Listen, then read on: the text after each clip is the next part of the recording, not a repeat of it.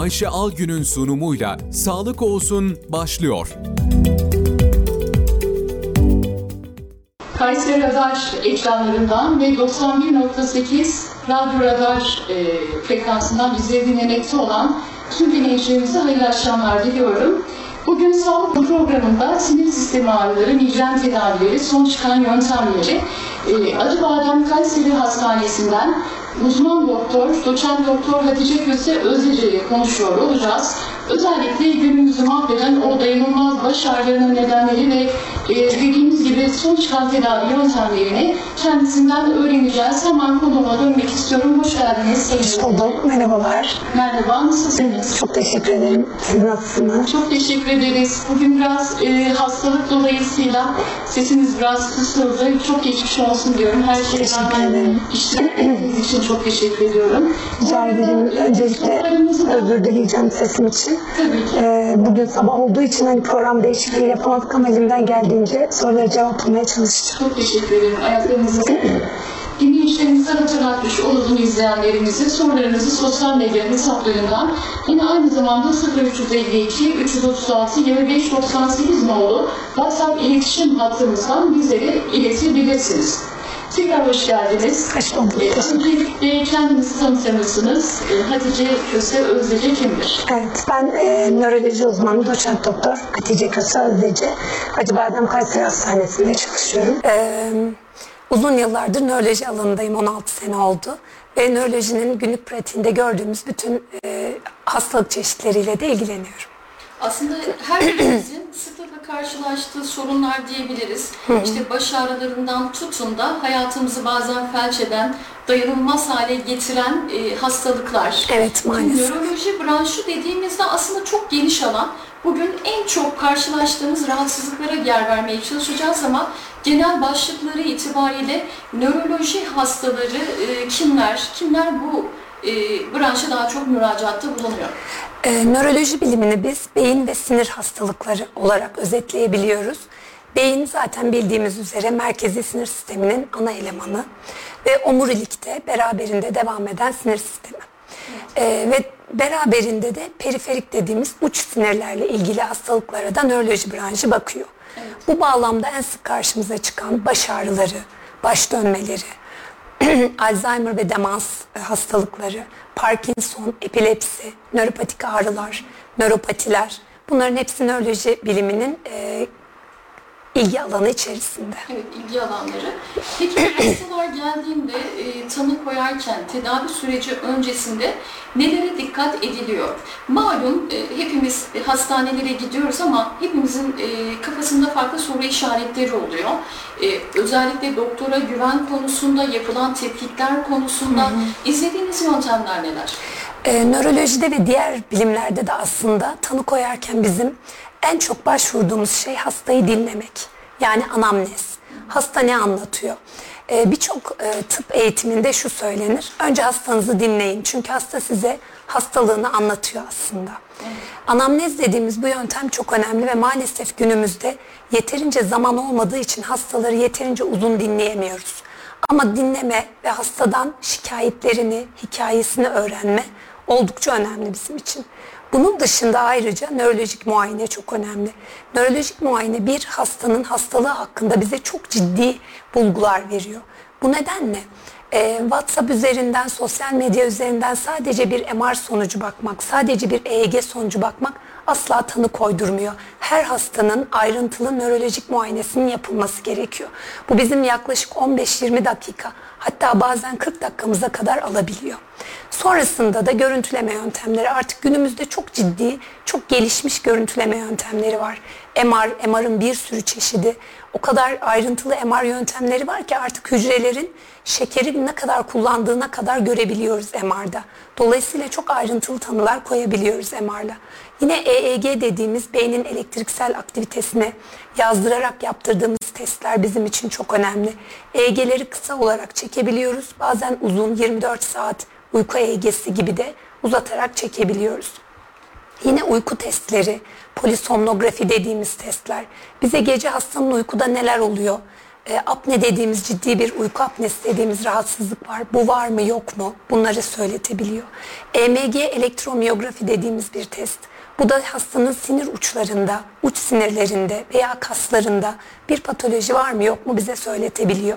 Tetkik inanılmaz artmış durumda şu anda nöroloji bilimi alanında. Her türlü imkanda var çok şükürler olsun ki. E, bunlara gerekli hastalarda gerekli istemleri yaparak tanıları koyabiliyoruz. Evet. Şimdi özellikle Türkiye şartlarında gerçekten sağlık sistemimiz çok gelişmiş e, durumda. Bazen o yakınmaları yurt dışından çok duyuyoruz. E, tedavi olmakta çok zorlanılıyor veya ciddi ücretler ödeyerek insanlar hastanelere gidiyor. O konuda gerçekten çok şükür diyebiliriz Çok. ülkemiz açısından. Bizim yurt dışı hastamız da çok fazla. Yani yurt dışında ikamet edip Türkiye'ye gelen hastalarımız ve gerçekten Türkiye'deki imkanlar sağlık sektöründe inanılmaz gelişmiş durumda. Ve ben hekimlerimizin de çok ciddi ve iyi bir eğitim aldığını düşünüyorum gerçekten. Çünkü bizim böyle çok kolaylıkla koyduğumuz tanılar orada Allah Allah bu tanıyı nasıl size bu kadar kısa sürede koydular diye dönüş yapılabiliyor. Gerçekten o anlamda da hem hekim yeti eğitimi anlamında hem tetkik tedaviler anlamında çok şükür ki Türkiye'de çok güzel ilerlemeler kaydetmiş durumdayız. Evet çok doğru. Peki Hatice Hanım bir doktor gözüyle mesela en ufak bazen sıkıntı yaşadığımızda soluğu işte hastanede alıyoruz. Bu doğru bir şey mi? Yoksa e, çok fazla hani evhamlı mıyız? Aslında hem ihmal etmek çok kötü hem her şeyi hastalık gibi görüp e, evhamlanmak çok kötü. Burada aslında bir basamaklı tedavi yapılması çok iyi olur. Şöyle ki aile hekimliklerimiz aslında bu konuda e, böyle bir sisteme geçilmeye çalışılıyor. Örneğin bir şikayetimiz olduğunda aile hekimimizle bunu paylaşıp aile hekimimiz gerekli gördüğünde zaten gerekli uzmanlara yönlendiriyor. Uzmanlara ulaşım da Türkiye'de çok şükür ki kısıtlı değil, sınırlı değil. O zaman gerektiğinde bir uzmana ulaşmak çok önemli. Tabii ihmal de etmemek lazım. Çünkü bazı durumlar var ki ihmal edildiğinde geç kalındığında tedaviler çok gecikiyor. Ama bazı durumlarda var ki hastayı artık hastalık hastası yapıyor. Bu anlamda belki aile hekimliklerimizden, e, ikinci basamak kuruluşlardan yardım alıp sonra işte daha uzmanlaşmış hekimlere yönelmek daha kolay olabilir hastalar açısından da hekimler açısından da. Evet çok doğru. E, Programımızın başında da bahsi geçmiş e, bir konu var ki baş ağrıları. Bazen migren baş ağrısı veya normal baş ağrılarını birbirine karıştırabiliyoruz. Migren dediğimizde e, tanı koyarken neler ön plana çıkıyor? Strese bağlı baş ağrıları hangi nedenlerden kaynaklanıyor? İsterseniz biraz bu konuda Tabii. konuşalım. Şimdi baş ağrıları bizim nöroloji pratiğinde en sık gördüğümüz hastalık grubu aslında. Bazen e, santral sinir sisteminin kendi rahatsızlığından kaynaklanabiliyor. Bazen de altta bir şey yatmayan primer baş ağrısı dediğimiz ağrılar ortaya çıkıyor. Migren bunların başında geliyor primer baş ağrılarının. Biz burada yine hastamızı dinliyoruz. Ağrının karakteri çok önemli bizim için. Ağrı genelde tek taraflı, zonklayıcı, şiddetli. Yani migren hastası işini gücünü pek yapamaz ağrı tuttuğunda. Peki ağrılarda ense kökü mü, tepe kısmı mı daha Çok bizim için çok aşırı bir anlamı olmuyor. Genelde ama yarım bir baş ağrısı oluyor. Enseden olabilir, tepeden olabilir, şakaklarda, bazen gözün arkasında. ya da sağ ya da sol. Sol hiç fark etmez. Tek taraf bazen çift taraflı da olduğu oluyor. Ee, zonklayıcı, oyucu bir baş ağrısı. Ağrı en az 3 saat sürüp en fazla 3 güne kadar uzuyorsa, hareketle artıyorsa, ışıktan, sesten, kokulardan rahatsızlık varsa, bulantı kusma varsa ve biz bu ağrı için yaptığımız tetkiklerde veya nörolojik muayenede başka hiçbir şey bulamadıysak o zaman adı migren oluyor. Eğer böyle bir ağrısı olan bir hastamız geldi ve beyin MR'ı çektirdik, beyinde bir baloncuk bulduk. O zaman adı migren olmuyor. O zaman baloncuğa bağlı baş ağrısı. O zaman sekonder ağrı deniyor buna. Burada önemli olan hem hastamızın ağrı türü, anamnezi yani nasıl oluyor bu ağrı bunu bilmemiz lazım. Hem de görüntüleme yöntemleriyle başka bir şey olmadığını aradan çıkarmamız gerekiyor. O zaman tanıya migren diyoruz. Migren eğer ayda 3-4 kez tutuyorsa bu ağrılar özellikle kadınlarda ve adet dönemlerinde çok yoğun artış gösterir. Ayda 3-4 kere tutuyorsa o zaman atak tedavisi dediğimiz ağrı kesici tedavisi veriyoruz. Ama maalesef çoğu hastamızda bu ataklar çok sıklaşıyor. Ayda 4'ün üzerine çıkıyor. Orada mutlaka koruyucu tedaviye geçmemiz gerekiyor. Koruyucu tedavileri isterseniz hani daha sonraki dakikalarda da ayrıntılı konuşabiliriz. Yani ayda dördün üzerinde böyle ağrısı olan hastamız varsa MR'da, EEG'de hiçbir şeyde hiçbir şey bulunamadıysa mutlaka hekime başvurup koruyucu tedaviye geçme lüzumu var. Evet. Biraz önce e, belirtilerden bahsettiniz. Mesela koku dediniz, ışıktan rahatsız olma dediniz. Peki bunlar yoksa yine migren olabiliyor mu? Tabii ki. ağrısı? Bunlardan bir tanesi bulantı veya kusma. Bunlardan bir tanesinin eşlik etmesi migreni çok ciddi düşündürür. Bazı hastalarda bulantı kusma olmayabiliyor. Bazılarında ışığa oluyor hassasiyet, kokuya olmayabiliyor. Bazısında sese oluyor, ışığa olmayabiliyor. Burada bunların bir tanesinin olması yeterli. E, genelde de migren hastalarımıza bunlar eşlik ediyor. Eğer bunlar hiç eşlik etmiyorsa, ağrı genelde iki taraflıysa, gerilme tarzındaysa, boyundan geliyorsa o zaman strese bağlı baş ağrıları da o şekilde görülebiliyor. Evet. Gerek strese bağlı baş ağrıları, gerekse migrenle alakalı sizin ileri e, yöntemleriniz var, farklı tedavi yöntemleriniz var. Bunları da izleyenlerimizle paylaşabilir misiniz? Tabii ki. Ee, şimdi baş ağrıları benim klinik pratikte en çok karşılaştığım hastalık türü. Ee, çok affedersiniz. Tabii lütfen. Biraz da kendim böyle migrenli bir kişi olduğum için kadınlarda çok sık görülen bir durum zaten. Migrene karşı ve gerilim tipi baş ağrılarına karşı özel bir ilgim var. Çünkü ne çektiklerini çok iyi anlıyorum. Her hastama da söylüyorum. Diyorum ki ya bakın ben şu an ne hissettiğinizi anlıyorum. Çok kötü bir şey. Günlük hayatınızı yapamıyorsunuz. Günlük işlerinizi idare edemiyorsunuz. Dolayısıyla migren veya gerilim tipi veya diğer baş ağrısı özelinde Türkiye'de ya da dünyada ne yapılıyorsa hepsini çok sıkı takip ediyorum. Çünkü bu çok önemli bir durum. İğneli tedavilerden e, kastımız tetik nokta enjeksiyonları, gon blokajı dediğimiz arkadan bu migrenden ve gerilim tipi ağrılardan sorumlu sinirimiz var. Bunun bloke edilmesi veya botoks tedavisi halk arasında estetikte çok bilinen ama bizim migrende çok kullandığımız çok güçlü bir silah botoks tedavisi ve son dönemde migren aşısı diye bilinen aslında e, bir antikor olan migren iğnesi aşısı. Bunların hepsini koruyucu tedavide kullanabiliyoruz. Peki botoks tedavisiyle migren aşısı aynı anda yapılabiliyor mu yoksa ayrı ayrı uygulamalar mı? E, migren botoks tedavisi için kronik migren şartı var. Yani ayda 10 günün üzerinde atağınız olacak. O zaman botoksa uygunsunuz demektir. Migren aşısı daha farklı bir uygulama. İğne şeklinde kişinin kendi yapabildiği bir aşı aslında. İlk uygulamada iki tane yapıyoruz. Sonra ayda bir birer uygulama yapılıyor. Kendi kendimize bile yapabiliyoruz bunu. E, aynı anda yapılabiliyor. Ama ben şöyle bir yol izliyorum. Botoksu yapıyorum. Fayda görmeyen hastalarda aşıyı kullanıyorum. Aşının yalnız her tür migren atağında endikasyonu var. Yani yılda bir atağı tutuyorsa kişinin ama tutmasını istiyorsa gene aşıyı kullanabiliyoruz. Tabii çok tercih etmesek de. Veya kronik migren dediğimiz çok sık migren ağrıları varsa yine kullanabiliyoruz. Hakikaten kendi çevremde bir arkadaşım var. Günlerce o baş ağrılarının geçmediğini Evet, biliyorum. evet çok ağır bir şey. İnşallah gerçekten. bu konuda da yönlendirme e, Tabii ki. yaparız. E, eğer ki televizyonlarını, ekranlarını yeni açanlar varsa tekrar iletmiş olalım. Kayseri Radar ve 91.8 Radyo Radar e, ekranlarından sizlere seslenmeye devam ediyoruz. Sağlık olsun programında bugün Acıbadem Kayseri Hastanesi'nden doçent doktor Hatice Köse Özdece ile e, nöroloji uzmanı Hatice Köse Özdece ile e, nörolojik hastalıkları konuşmaya devam ediyoruz. Kaldığımız yerden devam edelim. Peki biraz önce e, uygulamaları anlattınız. Dönüşler nasıl oluyor? Gerçekten sonuç veren tedaviler mi? Uzun süre devam edilmesi gerekiyor mu? Kısa vadede de sonuç alabiliyor mu hastalar? E, migren ya da gerilim tipi ağrılarda tamamen yok etme diye bir tedavimiz yok maalesef. Biz migrenliyiz, ben de içinde. Ve bu migren beynini maalesef ömür boyu taşıyacağız. Buna şu anda bir çözümümüz yok. İnşallah ileride ona da bir çözüm olur. İnşallah. Ama bizim amacımız ağrıları hem şiddet hem sıklık olarak dayanabilir seviyeye getirmek. Tedavilerin çoğunda tedavi başlar başlamaz etkinlik başlıyor. Ama bazen bir müddet devam etmek gerekiyor. Biraz rahatladıktan sonra bir müddet sonra tekrar ağrılar yoğunlaşabiliyor. O zaman yine tedavilere geçmek gerekiyor. Bunları ömür boyu kullanmıyoruz. Ağrılar yatışınca ara veriyoruz. Ağrılar tekrar yoğunlaşırsa tekrar koruyucu tedavilere geçiyoruz. Bu şekilde bir yöntem. Evet, peki günlük hayatta hastaların dikkat etmesi gerekenler neler? Özellikle migren hastalarının e, neler tavsiye edersiniz?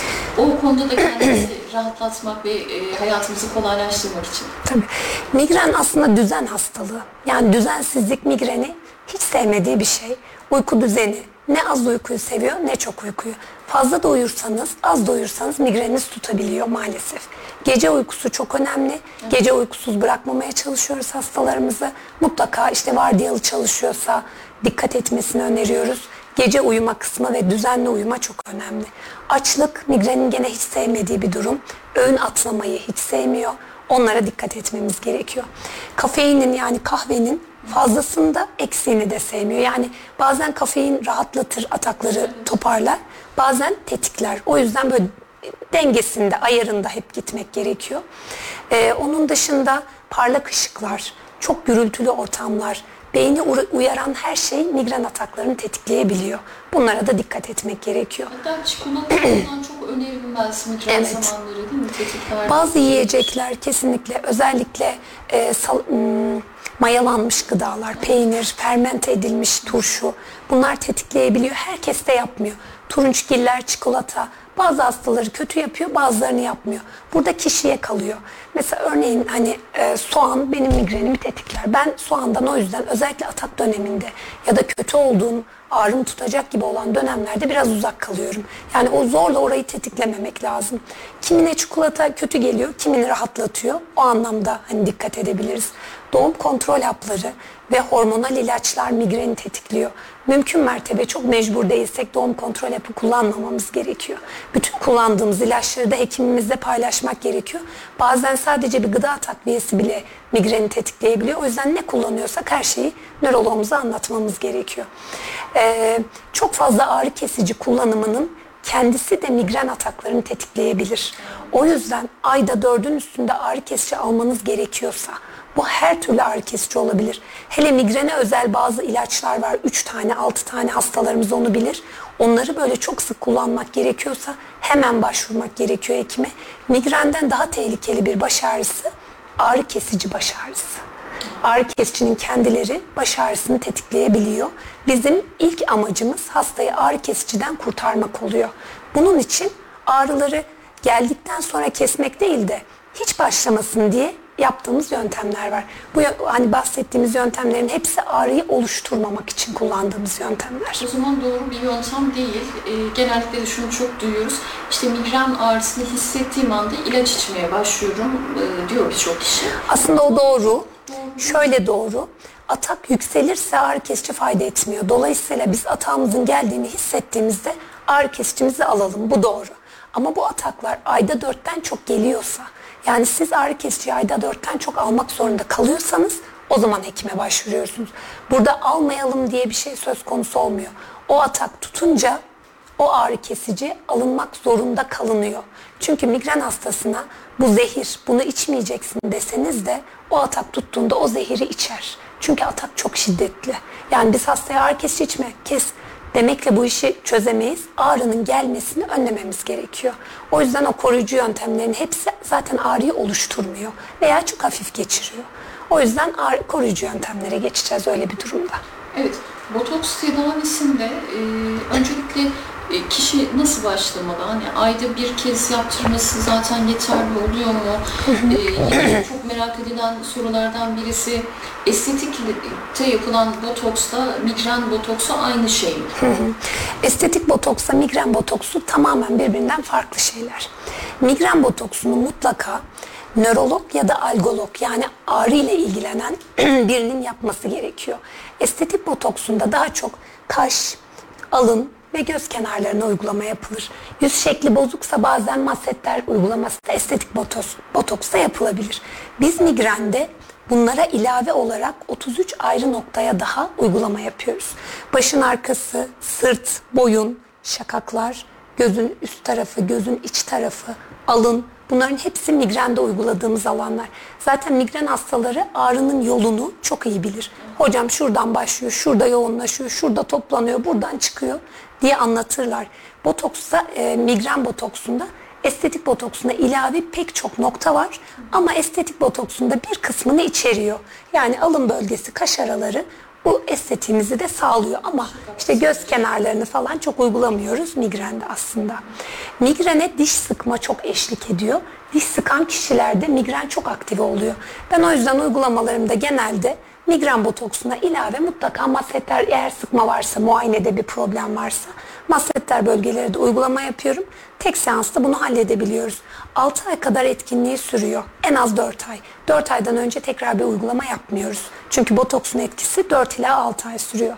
Uygulamayı yapıp bir yıl sonra hocam ağrılarım tekrar etti diyen hastalarım da oluyor. Her hastada illa 4 ay sonra illa 6 ay sonra yapmıyoruz. Ama birçok hastamızda özellikle ilk 3 uygulamayı 6 ayda bir tekrar etmek gerekiyor. Evet. Bu arada saatlerimiz 19, 19'u gösterirken e, bir reklam arası vereceğiz. Reklamlardan sonra e, Sağlık Olsun programı kaldığı yerden devam edecek. Bizlerden ayrılmayın. Şimdi reklamlar.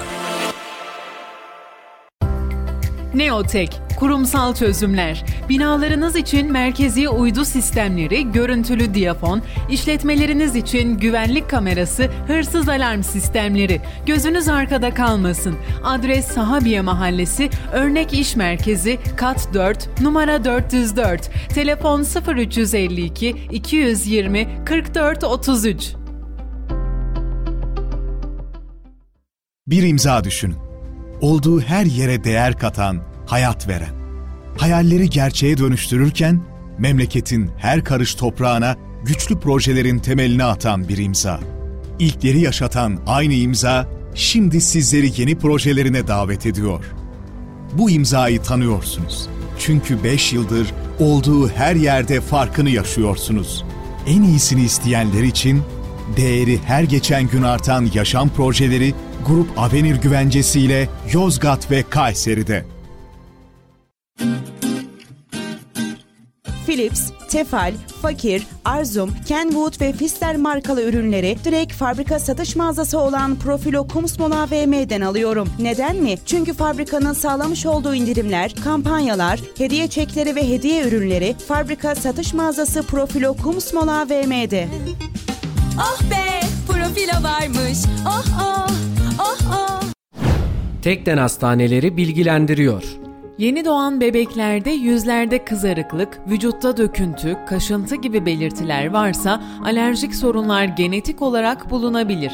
Alerjik bünye, hassas cilt varsa yün yerine elyaf yastık ve yorgan seçilmeli, evde tüylü ev hayvanı beslenmemeli, kıyafetler yünlü olmamalıdır. Geçmeyen bulgular varsa vakit kaybetmeden doktorunuza başvurunuz. Tekden Hastaneleri bilgilendirdi. Kumsmol AVM'den 20 ay 0 faizli kampanya. Tam 8 parçadan oluşan çeyiz seti aylık 1399 lira taksitlerle. Profilo 455 litre buzdolabı, 9 kilogramlık çamaşır makinesi, 4 programlı bulaşık makinesi, Arzum'dan ütü, saç kurutma makinesi, Mr. Chef Quattro, waffle makinesi, dik süpürge, üstelik kredi kartı yok, kefil yok, peşinat yok. Profilo Kumsmol AVM Amber kapısında sizleri bekliyor. Oh be, profilo varmış. Oh oh,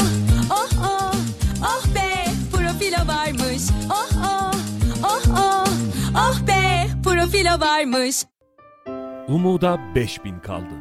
Meliheymen ve Hasan Çınar'ın tedavilerini tamamlamak ve onları hayata tutundurmak için 5000 adet 5000 Türk lirasına ihtiyacımız kaldı. Sen olmadan bir eksiyiz. Umuda yolculuğa bir bilet de senden olsun. Kampanya irtibat 0352 336 2598 0543 799 3838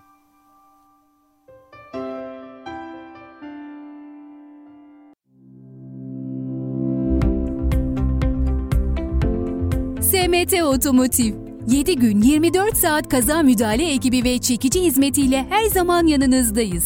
Tüm kaporta işlemleri, boya, mekanik, plastik tampon tamiri, şase düzeltme, pastacıyla, far parlatma, boya koruma ve daha fazlası SMT Otomotiv'de. Kasko ve sigorta anlaşmalı servisimizle hasar takip ve tespit hizmetleri hızlı ve güvenilir bir şekilde hizmetinizdedir. Adres Yeni Sanayi Şeker Kısmı 15. Sokak No 8 Kayseri. Telefon 0532 250 46 35.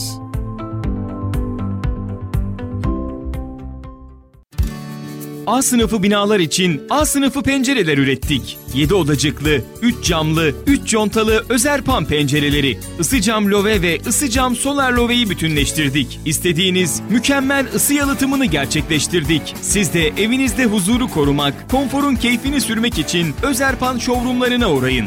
Unutmayın ki doğru yapılan ısı yalıtımı 4 mevsim konfor ve tasarruf demektir. Ayrıntılı bilgi için telefon 444 62 30 web www.özerpan.com.tr Reklamları dinlediniz. Ayşe Algün'ün sunumuyla Sağlık Olsun devam ediyor. Sağlık Olsun programı reklamların hemen ardından devam ediyor sevgili izleyenler. Bu arada e, reklam öncesinde migren ağrıları ve tedavi yöntemlerini konuşuyorduk. Acıbadem Kayseri Hastanesi e, uzmanlarından doçent doktor Hatice e, Köse Özdece ile beraber kaldığımız yerden devam edelim. E, migreni bitirdik bu kez. Uyku apnesi ile alakalı yine tedavilerimiz var. Bu konuda e, tanılar neler oluyor? Yine tedavi yöntemlerini anlatabilir misiniz? Tabii. Uyku apnesi migren kadar belli bir hastalık değil. Günlük hayatı çok etkilemiyor gibi görünüyor ve hastalar da uyku apnesi olduğunu çok anlayamıyor. Ama çok tehlikeli bir hastalık. Neden? Çünkü uykuda nefesimiz aniden en az 10 saniye duruyor. Ve bu durduğu anda bütün organlar alarma geçiyor. Çünkü oksijen gitmiyor. Nefesi yani boğulma hissiyle beraber. Bunu bazen hastamız anlıyor. Hocam boğularak uyanıyorum diyor. Bazen hiç anlamayabiliyor. Bize geliş nedeni baş ağrıları, dikkat dağınıklığı, konsantrasyon bozukluğu, kronik yorgunluk bunlar olabiliyor. Uyku apnesinin tanısını önce şüphelenmemiz gerekiyor tabii. Hastamızda horlama varsa, dışarıdan birileri horlarken nefesin durduğunu gözlüyorsa, sabah yorgun uyanma varsa apneden şüpheleniyoruz ve hastamızı bir gece en az uyku laboratuvarımızda misafir ediyoruz. Uyku laboratuvarında e, vücudun birçok bölgesine küçük elektrotlar takılıyor. Kesinlikle ağrılı bir test değil. Sadece biraz böyle konforsuz elektrot takılıyor her tarafa. Beynin bütün aktivitesi, gece boyunca kalbin aktivitesi, oksijen düzeyi, bacak hareketleri, solunum hareketleri her şey test ediliyor, ölçülüyor. Bir nevi bir gece check-up'ı gibi. Peki öncesinde bir uyuması için kişiye ilaç herhangi bir şey uygulanıyor mu? Gerekirse veriyoruz. Yani çünkü uyuyamama ya da Evet, evet, evet. E, apneyi etkilemeyecek yani solunumu etkilemeyecek, uyku kalitesini değiştirmeyecek bazı ilaç tedavilerimiz var. Gerekirse onları veriyoruz tabii ki uyuyamayan hastalarda çünkü bize uyku lazım. E, bunu hastamız yattıktan sonra bir gece ertesi gün uyku hekimliğinde uzmanlaşmış bir hekim. Bunu da e, nörologlar, göğüs hastalıkları hekimleri yapabiliyor. Uyku hekimi bütün gece boyuncaki kayıtları tek tek inceliyor. Saniye saniye, dakika dakika ölçüm yapıyor. Makinenin ölçtüğü değerleri onaylıyor. Ve burada eğer e, bir saatin içinde beşin üzerinde uyku apnesi dediğimiz nefes tutma varsa, bunlar en az 10 saniye sürmüşse hastamıza uyku apnesi tanısı koyuyoruz. Apnenin de şiddetleri var. Hafif, orta, ağır diye. Şiddetine göre de tedavisini uyguluyoruz. Uyku apnesini fark etmezsek eğer hastalarda çok ciddi sağlık problemlerine sebep olabiliyor. En e, akla gelen kalp çarpıntıları Evet. çok yoğun hissediliyordur o kişilerde. Çarpıntılar, kalp krizleri, e, oksijensizliğe bağlı beyinle ilgili hasarlar, damar tıkanıklıkları, e, gün içinde dikkat dağınıklığına bağlı bir sürü kaza. Bunların hepsini görebiliyoruz. Bunlar olmasa bile hani yorgunluk bile ciddi bir aslında sıkıntıdır. Tabii, kronik Güne yorgunluk. yorgun başlamak, enerjisini kaybetmek, günün kalitesini maalesef kaçırmak bu bile ciddi bir sorun. Çok ciddi problem. Bununla beraber ani ölümler, hatta uyku apnesinin kanserle bile ilişkili olduğu biliniyor. Çünkü vücudun bağışıklık sistemini düşürüyor. Gece boyunca vücut oksijensiz kaldığı için alarm durumunda. Dinlenmesi gereken organların hiçbiri dinlenemiyor ve sabaha kadar çalışıyor. E sabah gene çalışıyor, ertesi gün gene aynı. Dolayısıyla kansere yatkınlıkla ilgili de bir sürü çalışma var. Yani uyku apnesinden şüpheleniyorsak, horlamamız varsa, sabah yorgun uyanıyorsak, birileri bizim horlarken tıkandığımızı söylüyorsa ya da biz hissediyorsak, birden tıkanma hissi geliyorsa mutlaka yine uyku hekimliğinde uzman olan bir hekime başvurmak gerekiyor. Bu bu konuda da mutlaka e, uyanık olmak. Aslında kendini tanımakla başlıyor değil mi hocam? Kesinlikle. Ee, insan kendini ne kadar iyi tanırsa hastalıklarını da daha rahat e, teşhis edebilir, doğru yerlere başvuru yapabilir. Yine Alzheimer Derneği'nin de Kayseri Şube Başkanlığı'nda yapıyorsunuz. Hayırlı olsun. Bu yıl ederim. e, siz başkanlığı e, devraldınız Murat Bey'den sonra. Alzheimer e, demans ve hastalık süreciyle alakalı da biraz e, anlatabilir misiniz? İlk başlangıç süreci nasıl oluyor? Hep duyuyoruz Alzheimer ama e, yakınımızda veya çok yakınımızda insanlarda olmadığı müddetçe hastalıktan çok haberdar değiliz. Evet. Türk toplumu olarak. Bununla ilgili e, hem bilinçlenme adına hastalıkla ilgili bilgi verebilir misiniz? Tabii. Alzheimer maalesef yaşlanan toplumla beraber çok hızlı artış gösteren bir hastalık. Ee, burada Kayseri Şubesi olarak biz Alzheimer Derneği Kayseri Şubesi olarak elimizden geldiğince farkındalığı arttırmaya ve bilinçlendirmeye çalışıyoruz hastalarımızı. Alzheimer'ın en sık karşılaştığımız bulgusu unutkanlık.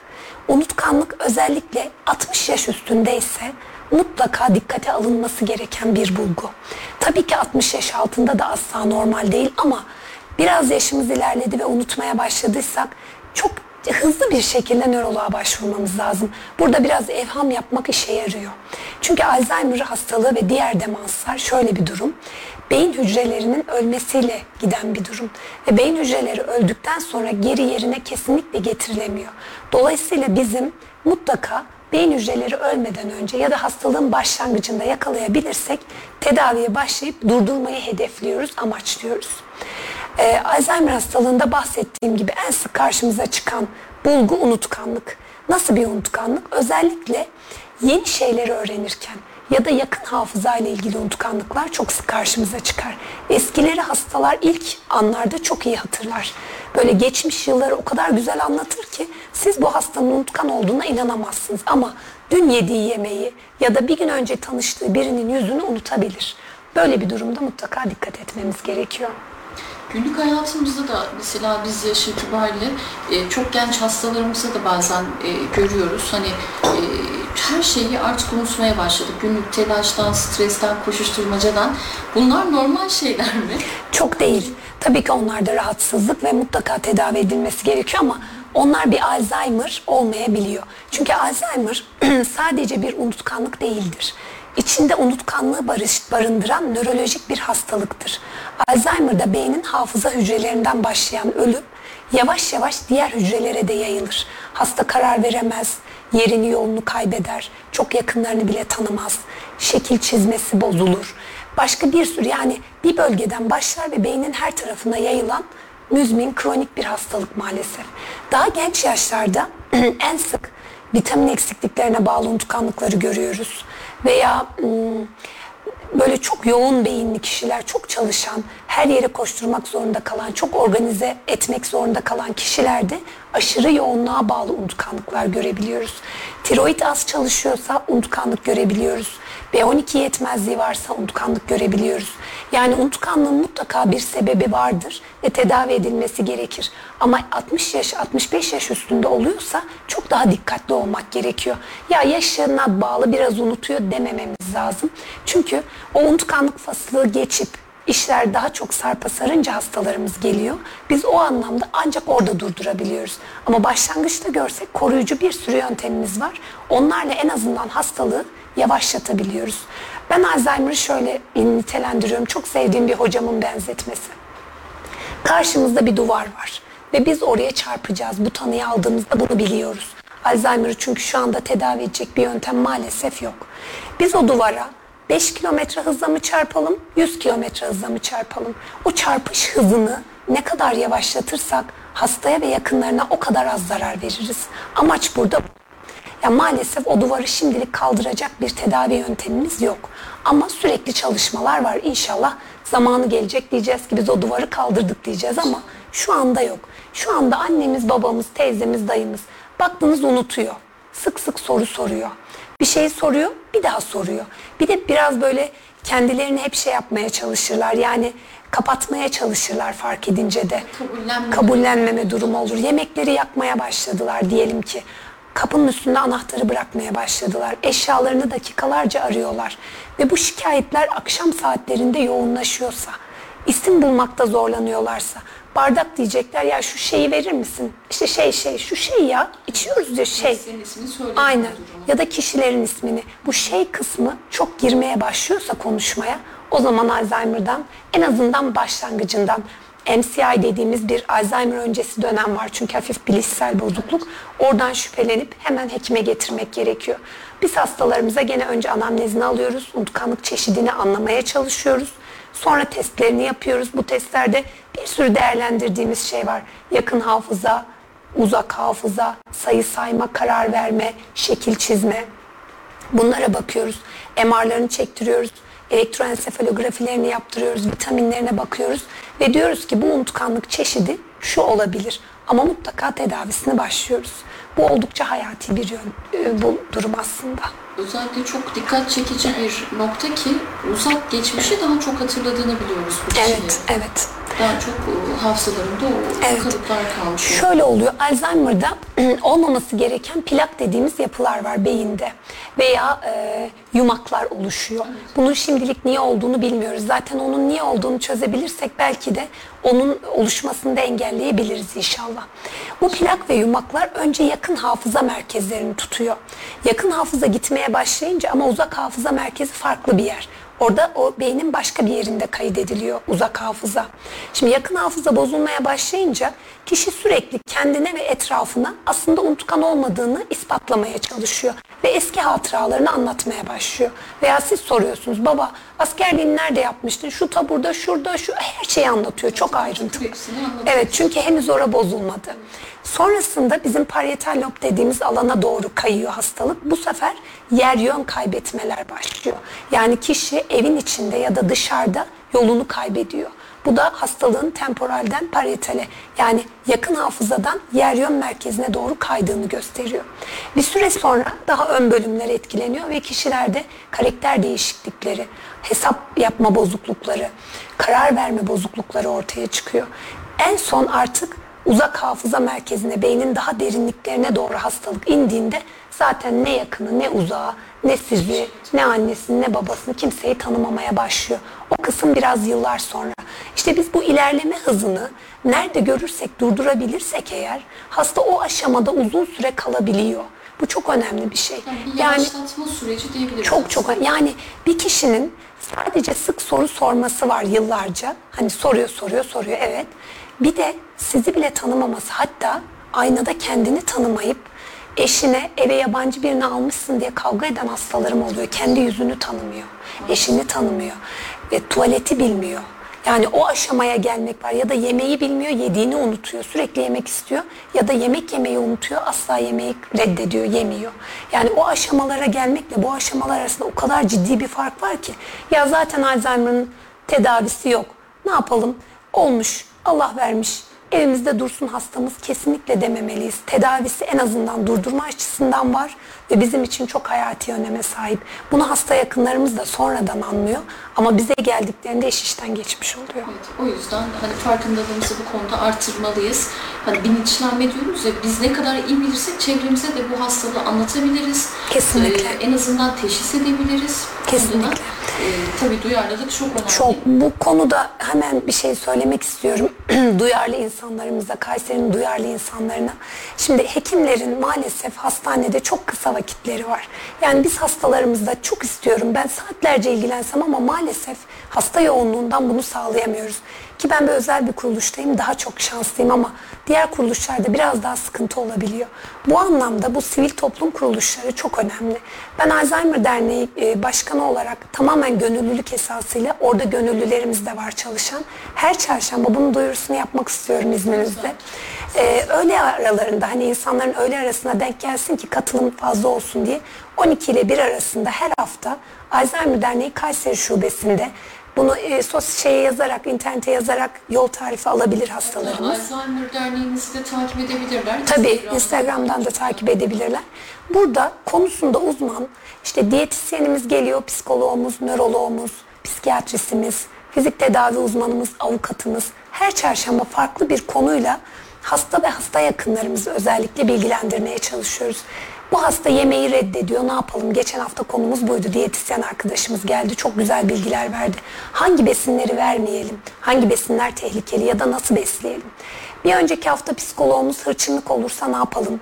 İşte sık sık soru soruyor. Nasıl davranalım? Bir şeyi yapınca sinirleniyor. Nasıl devam edelim? Bunları konuştuk. Çok güzeldi.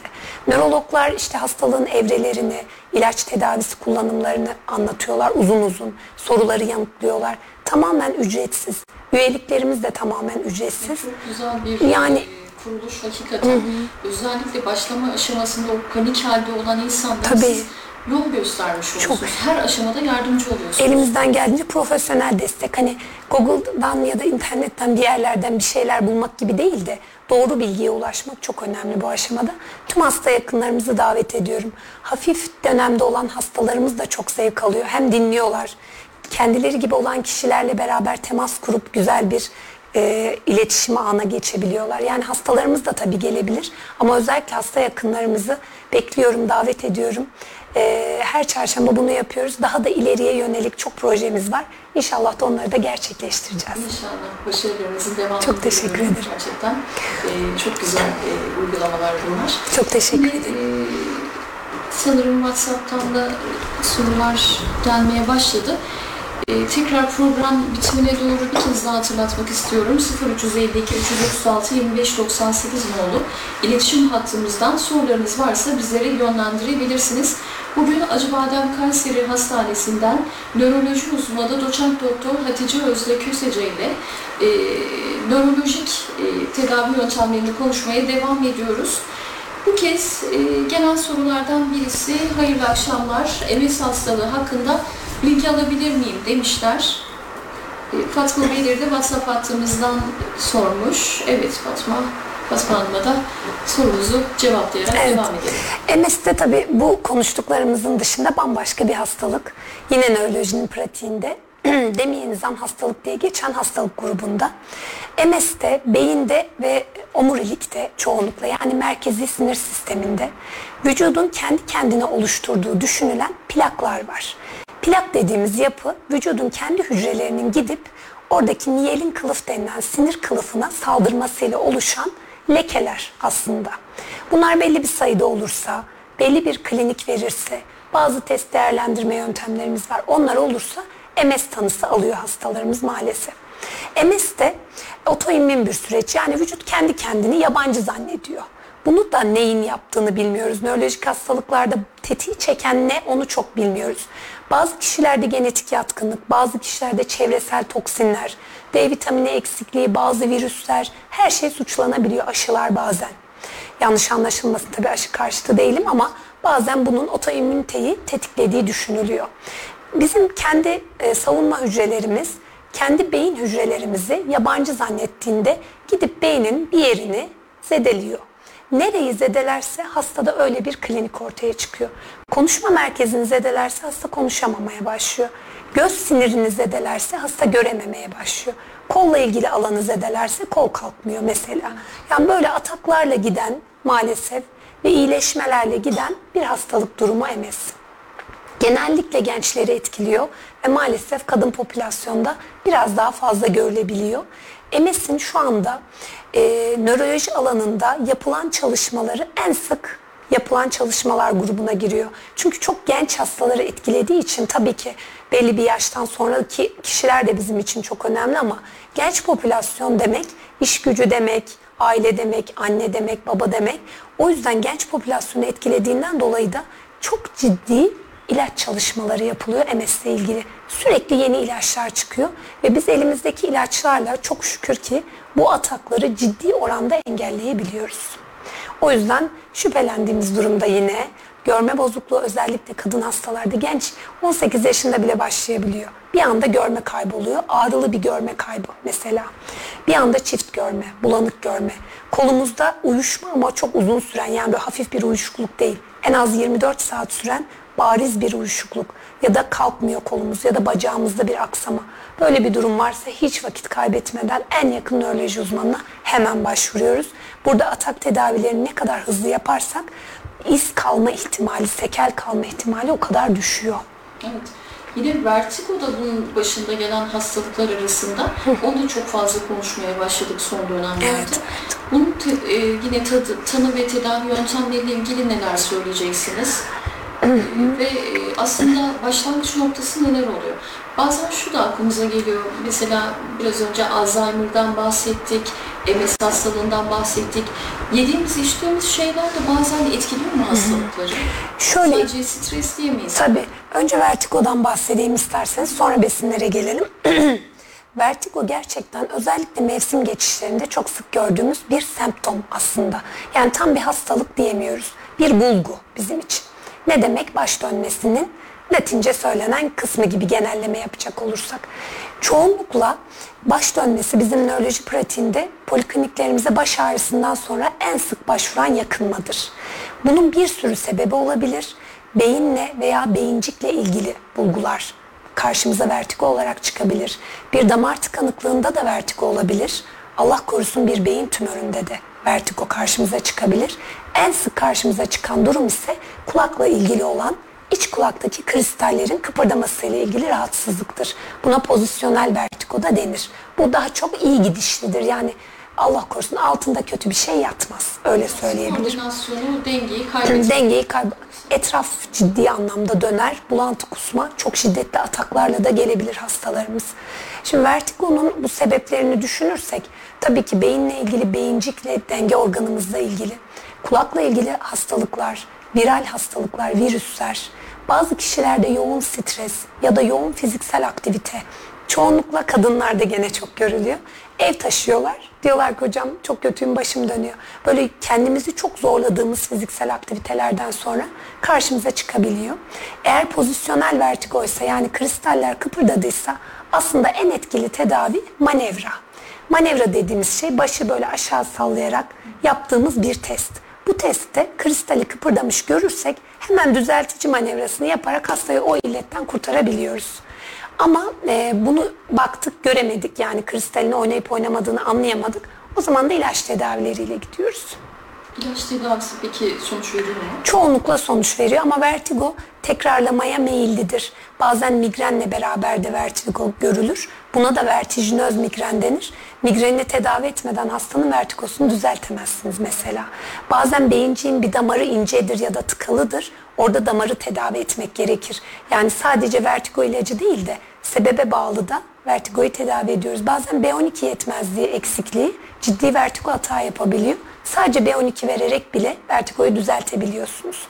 Bazen anksiyete, panik atak, stres durumları vertigo yapıyor. O zaman psikiyatriden yardım alıp orayı tedavi ediyoruz. Yani vertigo bir bulgu aslında, bir semptom.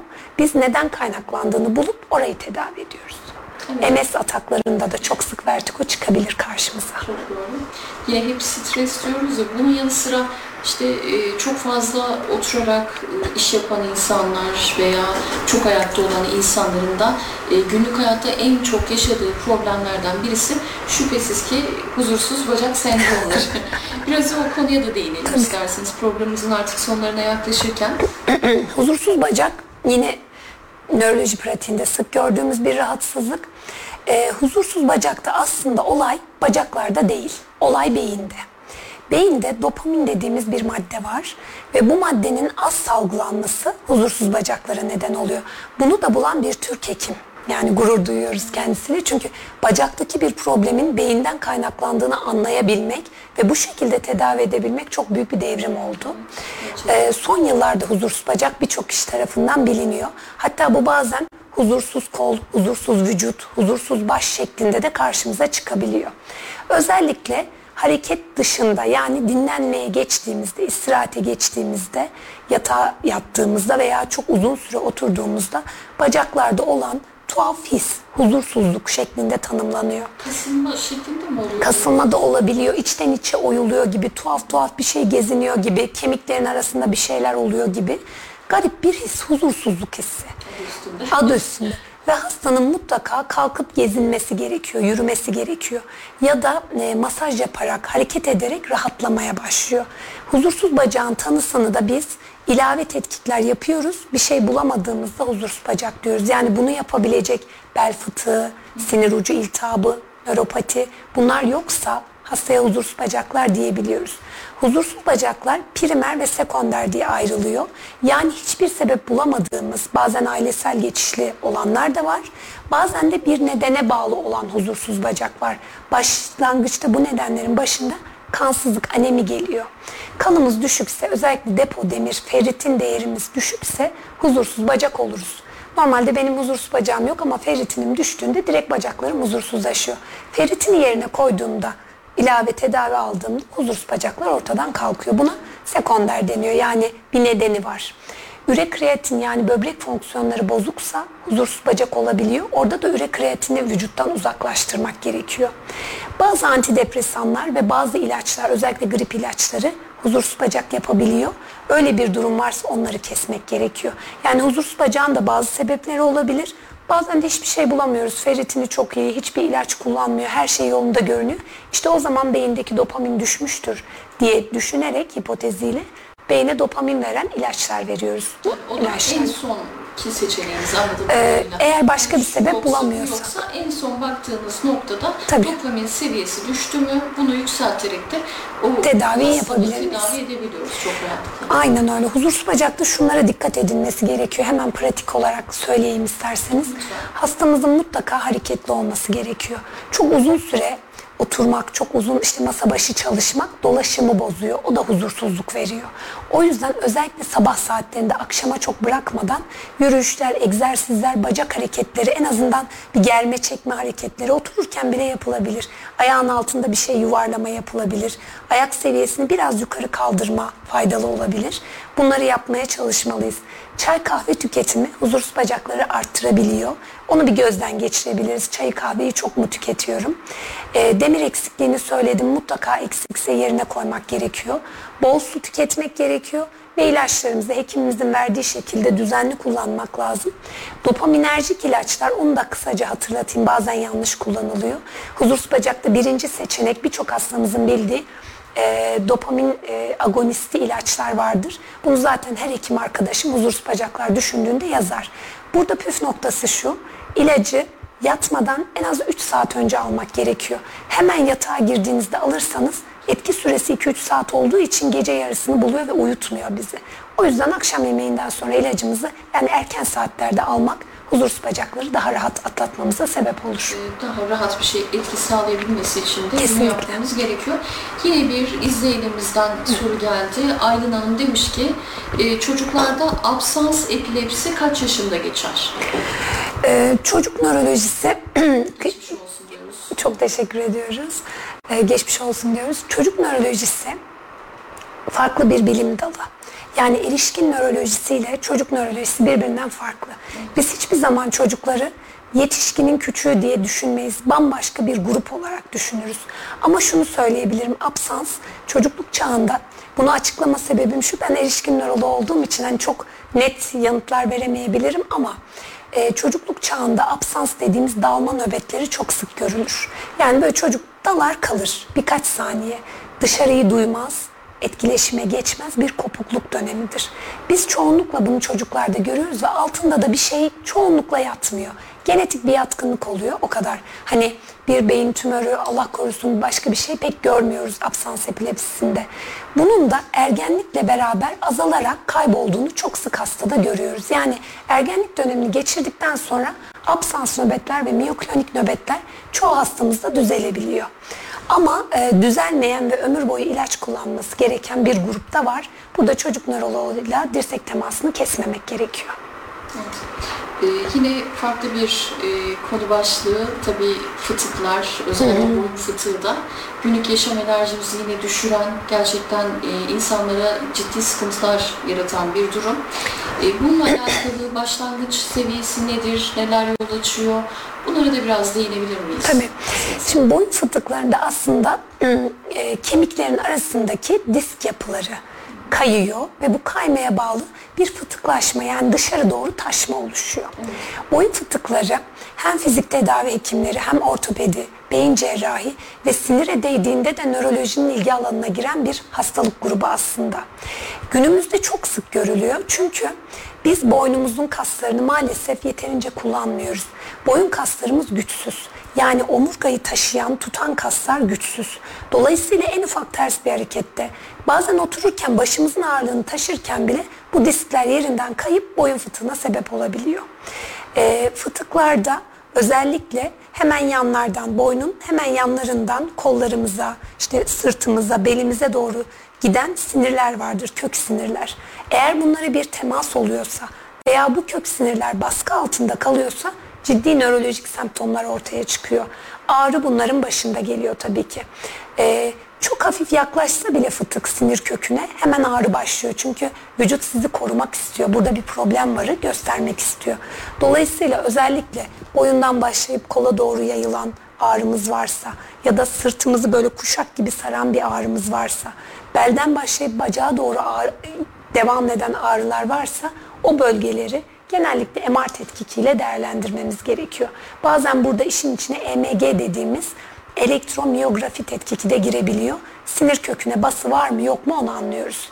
Fıtığı olan bir kişi çok şiddetli ağrı çekiyorsa, ağrı ağrı kesicilerle düzelmiyorsa, hastayı gece uykudan uyandırıyorsa, günlük hayatını etkiliyorsa ya da kolunda bacağında güç kaybı oluştuysa çok acil müdahale gerekebilir. Özellikle güç kayıplarında.